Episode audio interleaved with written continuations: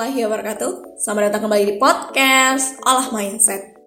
Kembali lagi bersama aku Lisa Aulia. Long time no see Dan aku juga udah lama banget nggak ngerilis episode baru.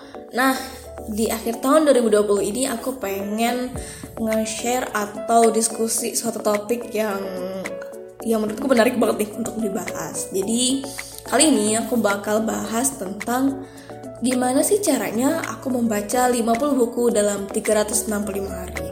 Jadi memang tahun ini, tahun 2020, aku berhasil menyelesaikan membaca 50 buku. Dan sebenarnya memang ini sesuai dengan target yang udah aku bikin untuk tahun ini. Dan aku bersyukur banget sih bisa menyelesaikan membaca 50 buku untuk tahun ini. Nah, terus bagi teman-teman kan kayak aku sering dapet pertanyaan ya sering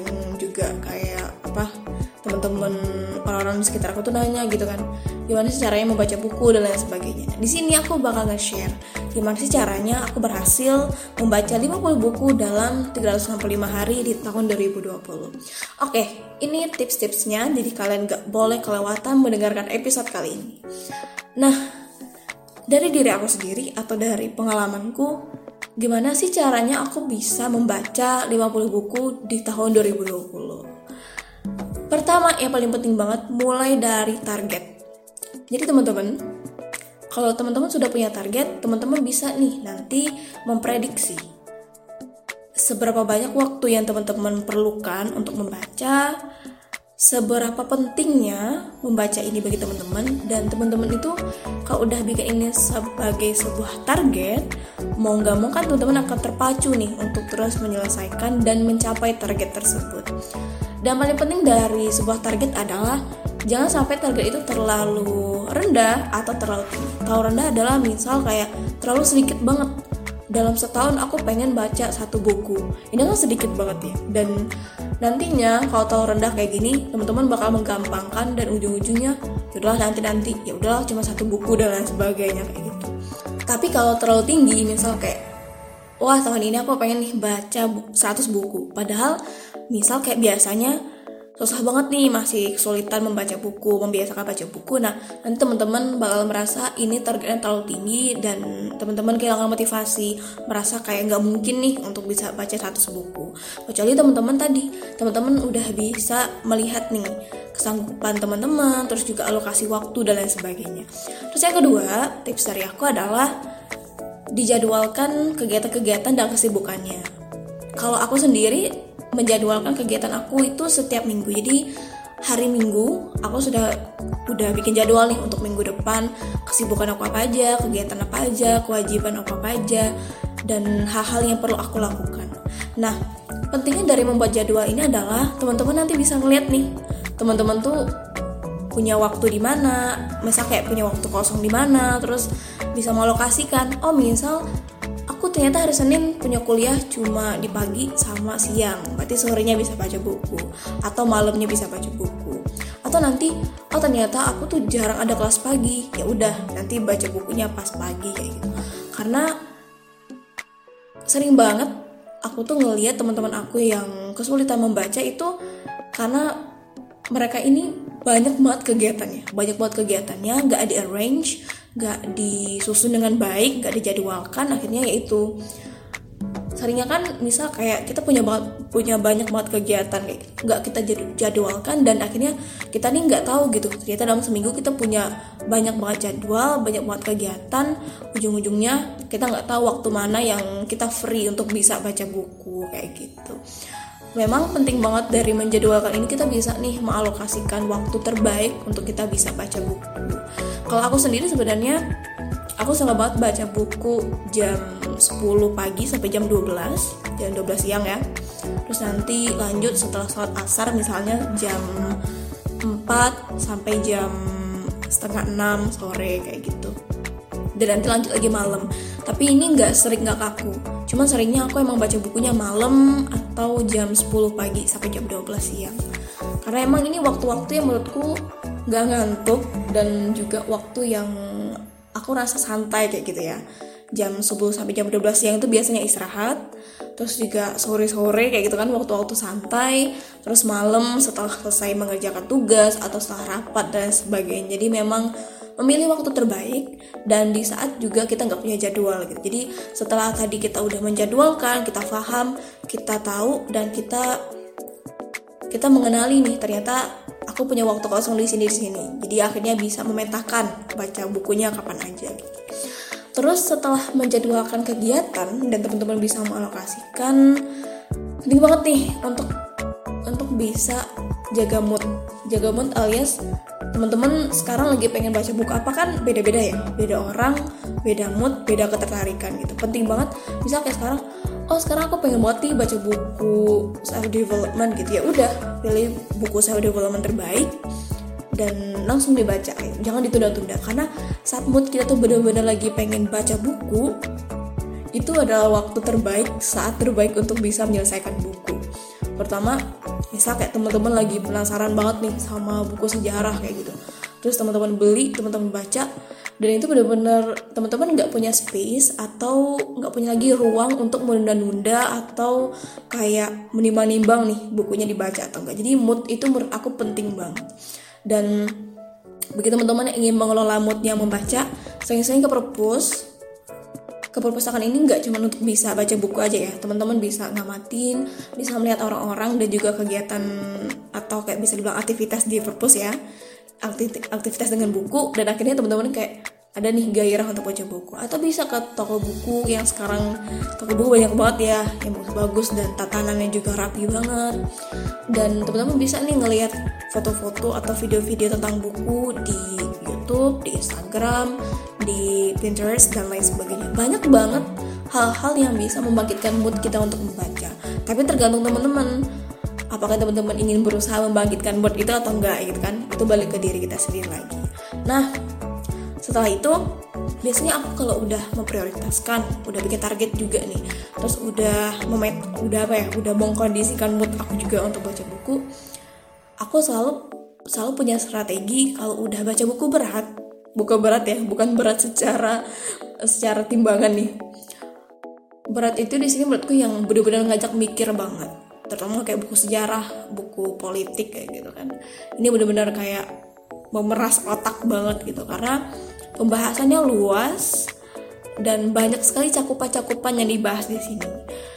Kalau dari aku sendiri kan memang di tahun ini lumayan banyak baca buku sejarah, itu dari sejarah revolusi industri, dari sejarah dunia juga, terus juga beberapa sejarah lainnya yang menurutku menarik banget. Biasanya buku-buku ini kan seringnya ya, seringnya tuh halamannya banyak, tebel banget. Dari 400 sampai 700 halaman, bahkan ada juga 1000 halaman. Nah, bagi teman-teman yang udah baca buku yang menurut teman-teman kayak memeras otak banget bener-bener bikin capek tapi teman-teman seneng aku sarankan banget setelah membaca buku-buku seperti ini cari buku-buku ringan kayak novel tapi jangan novel politik ya nanti beda lagi nih makin berat gitu cari novel-novel keluarga gitu atau novel yang yang ringan banget membahas hal-hal sehari-hari atau baca cerpen atau membaca buku-buku self development dan juga pengalaman-pengalaman orang sekitar dan lain sebagainya. Jadi baca buku-buku yang ringan, enak, tapi teman-teman still dalam aktivitas membaca gitu. Jadi ini juga diperhatikan ya, biar teman-teman nanti ujung-ujungnya setelah baca buku sejarah, baca buku politik, terus nyambung lagi buku psikologi gitu. Ini kan tiga buku yang berat dan jenuh akhirnya jenuh dan malah nggak tertarik baca buku. Kayak. Jadi ini penting banget menurut nah terus apalagi sih tips dari aku nah teman-teman penting banget ya penting banget untuk bisa ganti mindset kita saat baca buku sering banget kan orang-orang kayak baca buku tuh susah baca buku tuh membosankan gitu-gitu hadirkanlah sebuah suasana yang bikin teman-teman tuh merasa membaca buku tuh menyenangkan. Nah terus tips terakhir dari aku adalah kondisikan suasana yang menyenangkan. Jadi teman-teman bisa nih mulai baca buku sambil bawa snack atau bawa buah-buahan di ruangan yang terang kayak gitu. Di dengan suasana yang menyenangkan. Jadi teman-teman tuh tidak merasa berat tidak tidak merasa pusing nih gitu sedang baca buku. Tapi teman-teman berada dalam situasi yang menyenangkan sambil dengerin instrumen kalau bisa mungkin bagi yang terbiasa kayak gitu. Jadi dihadirkan suasana yang menyenangkan banget nih untuk bisa enjoy menikmati membaca buku gitu. Nah, kalau dari aku sendiri memang dari tips-tips yang tadi itu paling penting adalah teman-teman harus aksi dari sekarang, harus udah mulai melangkah untuk baca buku. Jangan ditunda-tunda lagi jangan kebanyakan mikir dan lain sebagainya. Dari tips-tips aku tadi yang paling penting adalah kalau teman-teman belajar untuk memprioritaskan membaca buku aku rasa gak ada sih halangan dari rintangan. Selagi teman-teman benar-benar niat banget dan pengen banget baca buku aku yakin selalu ada cara untuk bisa membaca buku dan mencapai target yang udah teman-teman rencanakan sejak awal. Sebenarnya aku udah Sejak tahun kemarin, tahun 2019 itu aku sudah menargetkan membaca 50 buku. Tapi ternyata waktu itu tahun 2019 itu cuma bisa baca 40 buku karena banyak kesibukan juga. Dan ternyata tahun ini udah bisa menyelesaikan 50 buku karena pandemi gitu. Aktivitas lebih banyak di rumah, sudah bisa mengalokasikan waktu dengan lebih baik dengan berbagai kegiatan lainnya dan akhirnya tercapai membaca membaca 50 buku di tahun 2020. Yeay. Nah, di episode kali ini aku pengen kayaknya mengucapkan salam perpisahan sama teman-teman semua. Karena ini sudah episode terakhir dan aku merasa memang beberapa bulan ini kan sudah mulai jarang ya mengupload dan merilis episode-episode baru. Karena gimana ya selama beberapa bulan ini terutama dua bulan ini aku mikir memikirkan ulang tentang podcast ini ingin aku bawa ke mana kayak gitu. Terus konsepnya ada fokusnya ke mana kayak gitu. Dan harapan aku dan juga keinginan aku untuk podcast ini apa sih sebenarnya? Aku masih ingin mendetailkan itu mengkonsepkan itu dan merenungkan itu lagi untuk untuk beberapa bulan ke depan. Dan ingin menjadikan podcast ini benar-benar sesuai dengan konsep yang matang dan juga sesuai dengan apa yang aku inginkan kayak gitu. Nah, sandar itu juga memang akhir-akhir ini banyak banget kesibukan-kesibukan baru, kegiatan baru, terus juga banyak banget kesempatan-kesempatan baru yang hadir kan dalam keseharian. Akhirnya aku mulai kesulitan gitu untuk bisa untuk bisa meres episode baru, untuk bisa mulai ngekonsep lagi, untuk bisa memikirkan lagi apa sih yang ingin aku bahas di podcast ini. Jadi memang memang bisa dibilang terkendala dengan waktu yang sekarang banyak banget kegiatan yang sedang aku lakukan. Nah, mungkin dalam 2 sampai 3 bulan ke depan dan aku juga belum yakin apakah 2 sampai 3 bulan ke depan aku sudah aktif lagi di podcast ini. Cuman aku berharap untuk beberapa bulan ke depan aku lebih bisa mematangkan konsep untuk podcast ini. Aku sudah bisa menyelesaikan beberapa kewajiban-kewajiban dan kesibukan-kesibukan yang saat ini sedang benar-benar mengisi waktu aku banget dan mengambil sebagian besar waktu yang aku miliki sekarang Nah, aku harap beberapa bulan ke depan aku udah bisa nih kembali lagi punya waktu luang untuk bisa fokus ke podcast ini dan lain sebagainya. Dan semoga nggak lama rehat dari podcast ini dan bisa balik lagi dengan konsep yang lebih matang, dengan topik yang lebih menarik juga di podcast ini. Terima kasih teman-teman semua yang sudah selalu mendengarkan podcast olah mindset saran-saran teman-teman, kritikan dan juga masukan itu berarti banget dan memang menurut aku dari diri aku sendiri ya kesempatan untuk membuat podcast tahun 2020 ini juga memberikan warna baru dalam hidup aku dan keseharian aku juga. Aku belajar banyak dari sini dan terima kasih untuk teman-teman yang udah menemani aku, udah setia mendengarkan podcast juga podcast Halo Mindset.